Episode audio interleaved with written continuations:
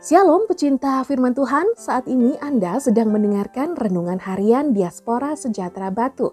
Pembacaan Alkitab hari ini terambil dari kitab Keluaran pasal 7 ayat 14 sampai 25. Tulah pertama, air menjadi darah. Berfirmanlah Tuhan kepada Musa, Firaun berkeras hati, ia menolak membiarkan bangsa itu pergi. Pergilah kepada Firaun pada waktu pagi, pada waktu biasanya ia keluar ke sungai, nantikanlah dia di tepi sungai Nil dengan memegang di tanganmu tongkat yang tadinya berubah menjadi ular. Dan katakanlah kepadanya, Tuhan Allah orang Ibrani telah mengutus aku kepadamu untuk mengatakan, biarkanlah umatku pergi, supaya mereka beribadah kepadaku di padang gurun. Meskipun begitu, sampai sekarang engkau tidak mau mendengarkan.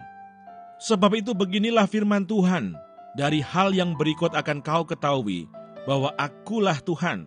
Lihat, dengan tongkat yang di tanganku ini akan kupukul air yang di sungai Nil, dan air itu akan berubah menjadi darah. Dan ikan yang dalam sungai Nil akan mati, sehingga sungai Nil akan berbau busuk. Maka orang Mesir akan segan meminum air dari sungai Nil ini. Tuhan berfirman kepada Musa, Katakanlah kepada Harun, ambillah tongkatmu, ulurkanlah tanganmu ke atas segala air orang Mesir, ke atas sungai, selokan, kolam, dan ke atas segala kumpulan air yang ada pada mereka, supaya semuanya menjadi darah, dan akan ada darah di seluruh tanah Mesir, bahkan dalam wadah kayu dan wadah batu. Demikianlah Musa dan Harun berbuat seperti yang difirmankan Tuhan.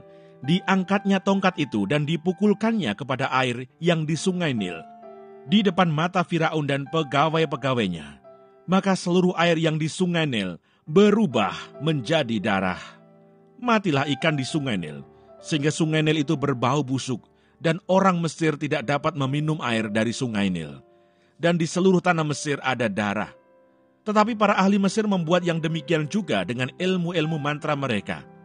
Sehingga hati Firaun berkeras dan ia tidak mau mendengarkan mereka keduanya seperti yang telah difirmankan Tuhan. Firaun berpaling, lalu masuk ke istananya dan tidak mau memperhatikan hal itu juga tetapi semua orang Mesir menggali-gali di sekitar sungai Nil, mencari air untuk diminum, sebab mereka tidak dapat meminum air sungai Nil. Demikianlah genap tujuh hari berlalu setelah Tuhan menulahi sungai Nil. Ayat Masari ini diambil dari kitab keluaran pasal 7 ayat 20.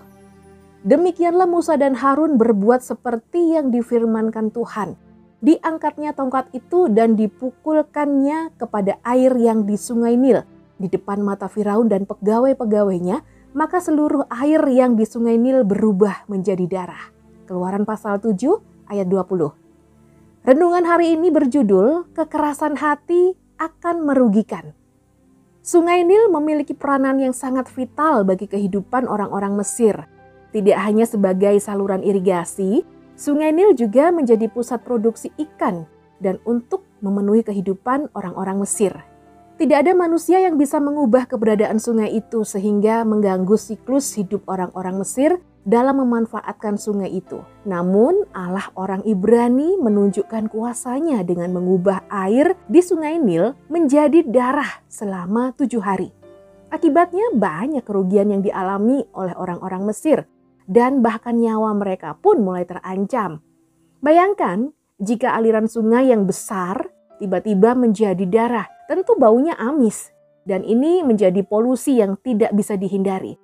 Namun dalam kondisi tersebut Firaun justru membuat tandingan dengan menyuruh para ahli Mesir juga membuat air menjadi darah.